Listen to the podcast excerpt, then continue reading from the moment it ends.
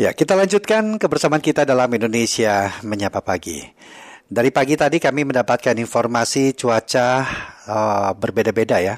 Bahkan beberapa daerah sudah diguyur hujan dengan intensitas rendah atau ringan, tetapi tidak sedikit juga daerah-daerah yang beberapa hari terakhir ini memiliki intensitas hujan yang cukup tinggi. Dan kami sampaikan untuk beberapa informasi cuaca di kota-kota lain Nanti kami akan dan juga kami undang Anda untuk bisa berbagi siang hari ini kira-kira atau bagaimana kondisi cuaca di kota Anda. Silakan kami nantikan di 081 399 399 888. Dialog Kesehatan. Dan pendengar kini kami saatnya kami ajak Anda untuk memasuki sesi dialog layanan kesehatan kerjasama Fakultas Kedokteran Universitas Indonesia dan RRI. Tema pagi hari ini atau edisi dalam dialog layanan kesehatan kita adalah bagaimana game online membuat kecanduan dan menanganinya. Hal ini tentu sudah tidak sedikit ya kita mendekatkan atau mendapatkan informasinya atau beritanya, dampak-dampak buruknya seperti apa dan bagaimana gejalanya kita bisa mengenali seorang anak atau seseorang yang mulai uh, kecanduan, masuki fase kecanduan dalam permainan game online ini. Kami akan membahasnya bersama dengan Dr. Nurbadi Ibrahim PhD, Departemen Fisiologi dan Biofisika Kedokteran. Dan Anda pun nanti dapat berpartisipasi bersama kita di dialog layanan kesehatan ini menghubungi telepon kami di 021 352 3172, 386 2375, 384 4545, 386 6712, juga melalui WhatsApp kami di 081 399399888. Kita mulai dialog layanan kesehatan pagi hari ini. Bagaimana game online membuat kecanduan dan menanganinya. Selamat pagi Dokter Nur Hadi. Selamat pagi, iya. Pak Rudi. Baik, apa kabar dok pagi hari ini? Alhamdulillah sehat. Iya.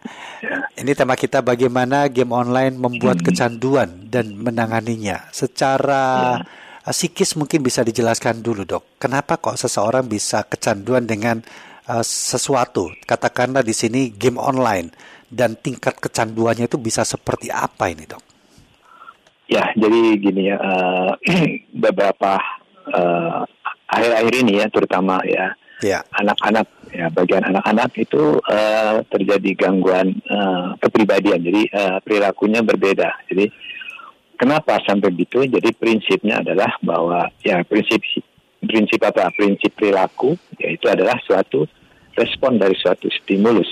Hmm. Nah, nah, respon ini akibat stimulus. Nah, stimulusnya ini itu jadi prosesnya stimulus nanti di uh, stimulus transfer ke otak untuk diproses, kemudian di outputnya responnya baik bisa fungsi kognitifnya atau psikologisnya maupun motoriknya.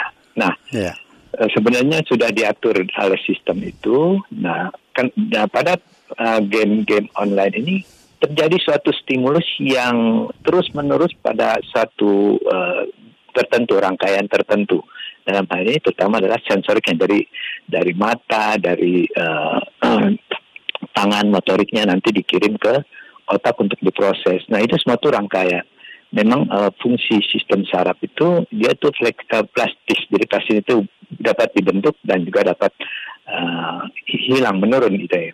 Kerangkaiannya tadi, networknya network dari stimulus sampai ke respon, nah itu uh, itu plastis istilahnya. Nah, pada game online ini dia itu yang utama adalah sensorik dari matanya, kemudian di otaknya nanti berkaitan dengan itu, kemudian responnya ke motoriknya dan juga ke reward sistemnya atau perasaan hmm, dia yeah. senang atau yeah. apa. Nah rangkaian itu terfokus ya. Jadi rangkaian itu terfokus lama-lama rangkaian yang lain untuk mengatur perilaku baik fisik maupun motorik maupun kognitifnya ya. itu menurun rangkaiannya sehingga uh, misalnya pengaturan tadi terganggu. Baik. Dia lebih fokus ke uh, rangkaian tadi yang ke game online tadi. Hmm, itu yang ya. dominan menjadi dominan rangkaiannya saya karena di stimulus terus kan. Ya. Stimulus terus terjadi perubahan uh, koneksi ya untuk pengaturan tadi yang khusus untuk uh, sensorik daripada online game online tadi. Ya. Nah, yang yang lainnya itu akan menurun ya rangkaiannya sehingga untuk fungsi pengaturannya uh, juga menurun sehingga itu yang lebih dan itulah yang terjadi gangguan-gangguan terutama dari fungsi kognitifnya macam-macam nanti. Ya.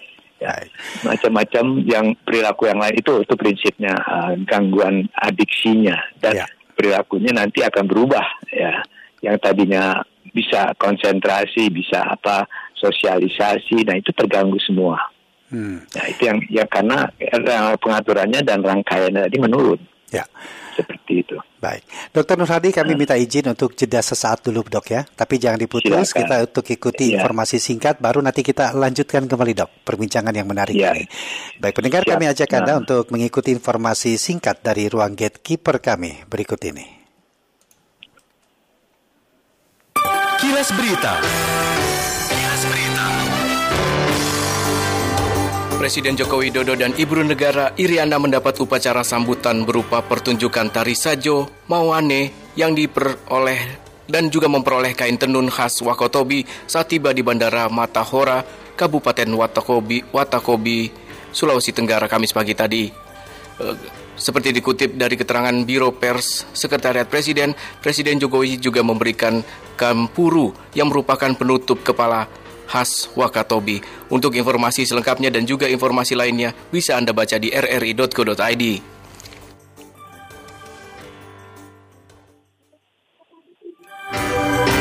Kilas Berita Pro 3 Jaringan Berita Nasional Dialog Kesehatan Baik pendengar kita lanjutkan perbincangan kita dalam dialog layanan kesehatan kerjasama FKUI dan RRI dan tema yang sedang kami bahas adalah bagaimana game online membuat kecanduan dan menanganinya bersama dengan Dr. Nurbadi Ibrahim PhD dari Departemen Fisiologi dan Biofisika Kedokteran. Maaf, uh, arah sedikit Nur Hadi bukan Nurbadi. Nur Hadi mohon maaf ya Nur ya. Hadi Ibrahim ya. baik. Ya. Baik dokter tadi sudah dokter jelaskan begitu banyak dok ya, ya. apa yang dimaksud ya. dengan uh, kecanduan dan bagaimana hal itu bisa menimpa seorang anak. Tetapi kita kita sebagai orang tua bisa tidak atau mengenali ciri-ciri anak tersebut sudah mulai masuk ke fase kecanduan secara perilaku, dok? Ya, perilakunya biasanya dia uh, berubah ya apa uh, pertama uh, sosialisasinya atau masing-masing tergantung dari ini ya uh, uh-huh. pribadi seorang tapi tidak normal. Jadi oh. agak tidak normal. Jadi uh, misalnya fungsi kognitifnya dia uh, lamban dalam hal tertentu ya eh, fungsi kognitif tertentu misalnya menjadi lamban atau respon dari kita dari orang tua panggil ya dia agak cuek gitu. Nah itu salah satu dan dia hanya fokus pada uh, apa yang dia inginkan. Hmm. karena uh, tadi faktor-faktor uh, lain itu menurun nah, koneksinya. Jadi sehingga uh, masing-masing belum tentu sama, tidak persis sama tiap individu tidak persis sama ya, uh-huh. tergantung bagaimana juga dia dipengaruhi oleh lingkungannya tadi ya. Yeah. Nah itu, itu seperti itu. Jadi yang yang biasanya dia agak lebih menyendiri istilahnya, karena yeah. dia fokus dengan apa yang membuat dia itu sebenarnya uh, isinya rewardnya itu penghar apa kesenangan dia tuh okay. ke Uh, itu yang yang dia inginkan ya. Yeah. Tiap saja prinsipnya orang juga pengen yang membuat dia senang, gitu senang. gitu kan. Mm-hmm. Nah, nah dari situ reward system misalnya reward system itu penghargaan terhadap mm-hmm. dirinya rasa dia senang, uh, bahagia. Nah, itu fokus dari stimulus itu tadi. Nah, yeah. dari yang lain itu terganggu. Nah, jadi orang tuanya bisa panggil minta tolong ini atau mau mau ngajak ini. Nah, itu dia nggak mm-hmm. agak cuek aja gitu kan. Mm-hmm lainnya nah dari situ bisa kelihatan perubahan-perubahan perilaku yang normal biasa normal ya. sehingga terganggu ya, ya seperti itu. Artinya paling tidak uh, kita bisa melihat secara nyata atau secara fisik itu tidak bisa lepas dari hmm. gadgetnya untuk selalu mencari kesenangan atau fokus dalam permainan itu dok ya? Iya. Itu paling tidak yang bisa. Stimulusnya itu, iya. Oke. Okay. Iya. Dari gadget atau macam yang dia fokus di situ karena itu stimulus yang buat dia rahan selasa hmm. rewardnya reward hmm. sistemnya itu terin, terbangkit nah itu seperti iya. itu. Ada tingkatannya tidak dok dalam kecanduan seperti itu? Mungkin di awal seperti apa fasenya sampai pada fase yang mungkin saja itu bisa dikatakan sebagai fase yang kronis itu bagaimana dok? Ya uh, pasti pasti itu bertahap ya nggak sekaligus ya karena membutuhkan perubahan uh, network tadi di sistem mm-hmm. saraf tadi jaringan saraf tadi dia membentuk dibentuk ya, gimana seperti ya membuat jalan tol lah nanti ada uh, yang nggak nggak nggak penting-penting tuh dihilangkan. Jadi network yang tadi yang untuk mengaturnya, yang untuk segala macam itu dia hilang yeah. networknya. Yeah. Nah itu bertahap, nggak bisa langsung kronis. Jadi bertahap dari dari awal-awal kita juga bisa perhatikan ya mm -hmm. uh, dari mulainya, mulainya misalnya dia tadinya senang main sama, kecuali teman mainnya untuk main gamenya itu mm. itu dia senang, kita bisa lihat oh dia pasti mainnya sama orang. Ada interaksi dengan yang lain begitu dok ya? Iya, mm -hmm. tapi yang berkaitan dengan game tadi. Iya. Yeah. Nah lebih fokus ke situ. Nah, dengan yang lainnya kurang menurun nah istilahnya yeah. seperti itu. Untuk masalah kecanduan game online ini, Dokter Nur Hadi, kenapa ya. sebagian besar justru menimpa pada usia anak, dok ya? Ya, karena sifat dari uh, sistem sarafnya di otak terutama uh-huh. itu lebih mudah berubah, lebih mudah berubah, uh-huh. lebih mudah berubah dan lebih mudah terbentuk untuk stimulus tertentu. Ya, nah ya. itu makanya lebih lebih mudah juga pada anak-anak itu uh, terbentuk suatu kecanduan sekarang udah nggak dianggap kecanduan lagi tapi disorder udah kelainan ya kelainan. Oh sudah masuknya kelainan Game ya. Online sudah masuk kelainan itu hmm. uh, di paper uh, di jurnal penelitian sedang berikut sekarang sudah ke arah disorder lagi. Hmm. Artinya ya, apa itu kalau sudah memas atau sudah disebut sebagai kelainan atau disorder? Ya, ya sudah sudah menjadi masalah. Oh. Sudah menjadi masalah hmm. uh, dalam kehidupan baik dia maupun terutama dirinya dia sendiri ya. Yeah, uh, itu yeah. akan masalah mungkin juga bisa berkaitan dengan yang lain yeah, ya. Yeah. Tergantung dari stimulus apa game apa kalau gamenya perang-perangan segala macam yang biasa dia nah itu nanti oh. akan sana dia. Jadi uh, akan dibentuk itu. dengan apa secara interaksinya ya. Begitu iya. dia. Oh ya ya ya. Ya. Baik. Dan uh, apakah hal ini memang kalau kalau dibiarkan dok, kalau dibiarkan tanpa ada penanganan khusus atau mungkin orang tua tidak bisa mengenali secara perubahan itu, apa dampaknya bagi si anak? Ya tadi uh, dampak terburuknya mungkin dok. Yang, hmm. ya, yang kronis ya itu tadi bisa uh, sosialnya nggak ada. Ya. ya. Uh, jadi istilahnya uh, istilahnya apa empati nggak punya empati jadi perilaku perilaku perilaku yang normal yeah. untuk bersosialisasi terutama uh mm-hmm. -huh. itu yang hilang ya itu yang hilang nah itu nanti dampaknya ke ke lingkungan kita juga lingkungan dia sendiri atau ke, ke pribadi dia sendiri kan ya. dari fungsi kognitifnya berpikirnya fungsi IQ-nya menurun segala macam uh-huh. untuk kehidupan dia sendiri jadi nanti ketergantungan Baik. ketergantungan nah itu dia memaksakan untuk kemauannya dia. Gitu yang kan. penting dia harus nah, terus itu. selalu uh, bisa menyenangkan dengan interaksi seperti itu, dok ya. Iya. Iya. Uh, uh, iya. Nah, cara mengatasinya bagaimana ini, dok? Bisa disembuhkan tidak? Ya, uh, kalau ya masih eh, sebenarnya semua masih bisa disembuhkan. Mm-hmm. Ya, prinsipnya itu secara teoritis itu masih bisa ditemukan, tapi tergantung ya, tergantung dari jadi lamanya aja, lamanya dan juga jenis stimulasinya. Mm-hmm. Nah intinya adalah gimana kita itu nanti mengembalikan network-network tadi yang normal, misalnya fungsi perilaku normal itu kan ada network-networknya, mulai yeah. dari stimulusnya. Jadi kita harus memberikan stimulusnya yang uh, jadi kita perannya nggak bisa secara langsung ya, karena nanti akan terjadi suatu misalnya pemberontakan istilahnya. Yeah. Dia nggak mau dia diajak ini nah, harus bertahap ya, bertahap supaya nanti kita bisa memberikan stimulus yang memberikan stimulus-stimulus yang untuk perilaku tadi rangkaian-rangkaian yang istilahnya mm -hmm. orang normal ya. Mm -hmm itu diberikan ya. uh, baik dari segi uh, stimulus yang sensoriknya maupun baik. juga fungsi kognitifnya itu. Dan, nah, tapi kita harus pelan-pelan bertahap dan nanti dengan memberikan itu mengurangi pertama mengurangi kita ganti stimulus yang positif istilahnya baik. positif supaya nanti terangkai lagi. Nah itu yang ya. penting adalah ya untuk kita sekarang ini adalah Baik. pencegahan ya. karena itunya sudah, sudah mulai meningkat. Nah, ya. pencegahan nanti di belakang dok di akhir perbincangan kita. Ya, ini ya. ada pendengar ya. dulu. Ini namanya juga sama nih ya. sama dokter nih, Pak Nur Hadi di Bekasi. Ya. Pak Nur Hadi, selamat pagi. Silakan apa yang langsung ingin ditanyakan Pak Nur Hadi. Baik, terima kasih. Selamat pagi, Bung Bung Rudi ya? Iya, betul. Iya, ya, Bung Rudi dan Dokter Nur Hadi. Ya. Selamat pagi, dok. Selamat pagi. Mudah-mudahan kita nggak perlu buat uh, asosiasi Udin sedunia ya, dok ya. Kalau kita Nur Hadi sedunia. Iya. Oke, okay, bercanda dok. Ya.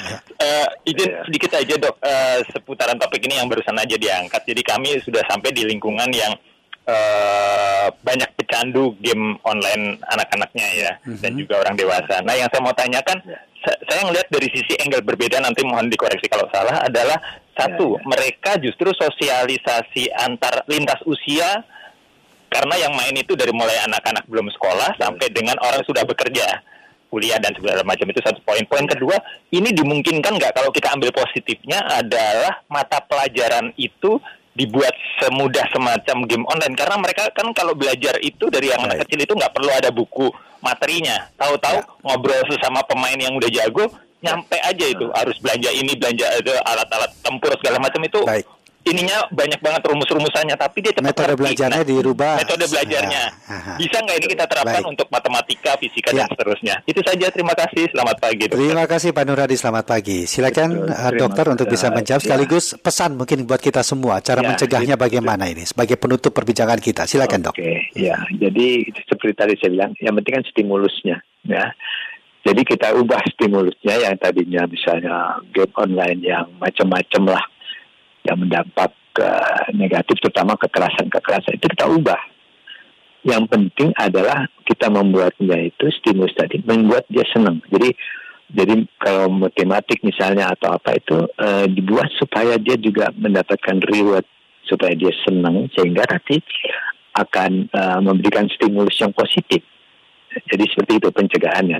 Yang tadi yang game-game online lainnya kita hilangkan ya yang negatif istilahnya yang yeah. dampak negatif itu. Jadi yang penting adalah kita memberikan stimulusnya yang yang positif positif tadi baik itu betul sekali kita harus bisa mengubahnya ya menjadi hal-hal yang positif hmm. seperti mencari solusi yang, begitu dok ya mencari solusi hmm, yang itu yeah. dengan tadi untuk uh, pendidikannya misalnya itu kan kita bisa beli stimulus hmm. intinya adalah kita beli stimulus tapi membuat dia rewardnya itu senang yeah. tertantang dan menjadi puas dia. Nah itu, nah itu yang tantangannya membuat uh, modul istilahnya, yeah. modul atau game game online yang itu untuk pendidikan, mm-hmm. tetapi jangan membuat dia bosan. Yeah. Yang bikin dia tidak senang. Intinya yeah. di situ. Yeah. Nah dari situ kalau udah senang, nanti dia akan uh, fokus lagi sehingga nanti kita akan bisa merang mengembalikan rangkaian yeah sistem saraf tadi dengan positif dan Baik. berdampak positif juga untuk pengetahuannya. Baik. Ya. Ya. Dokter Nur Hadi Ibrahim, terima kasih banyak dok ya, ya sudah meluangkan waktu ya. berbincang, sangat bermanfaat sekali ya. dan mudah-mudahan ini menjadi perhatian kita semua untuk bisa melakukan ya. pencegahan dini terkait dengan dampak ya. buruk canduan dari game online. Sekali lagi terima kasih ya. dokter. Selamat pagi, selamat beraktivitas. Salam sehat, salam ya. tangguh dok. Ya. Terima kasih semua untuk semuanya juga para pendengar. Ya mudah-mudahan sangat bermanfaat amin, ya. Amin. Saya mencegah dan kita mengoptimalkan game ya. online itu untuk yang positif. Baik, terima kasih dokter. Ya. Dan pendengar demikian tadi dialog layanan kesehatan bersama dengan Dr. Nur Hadi Ibrahim PhD dari Departemen Fisiologi dan Biofisika.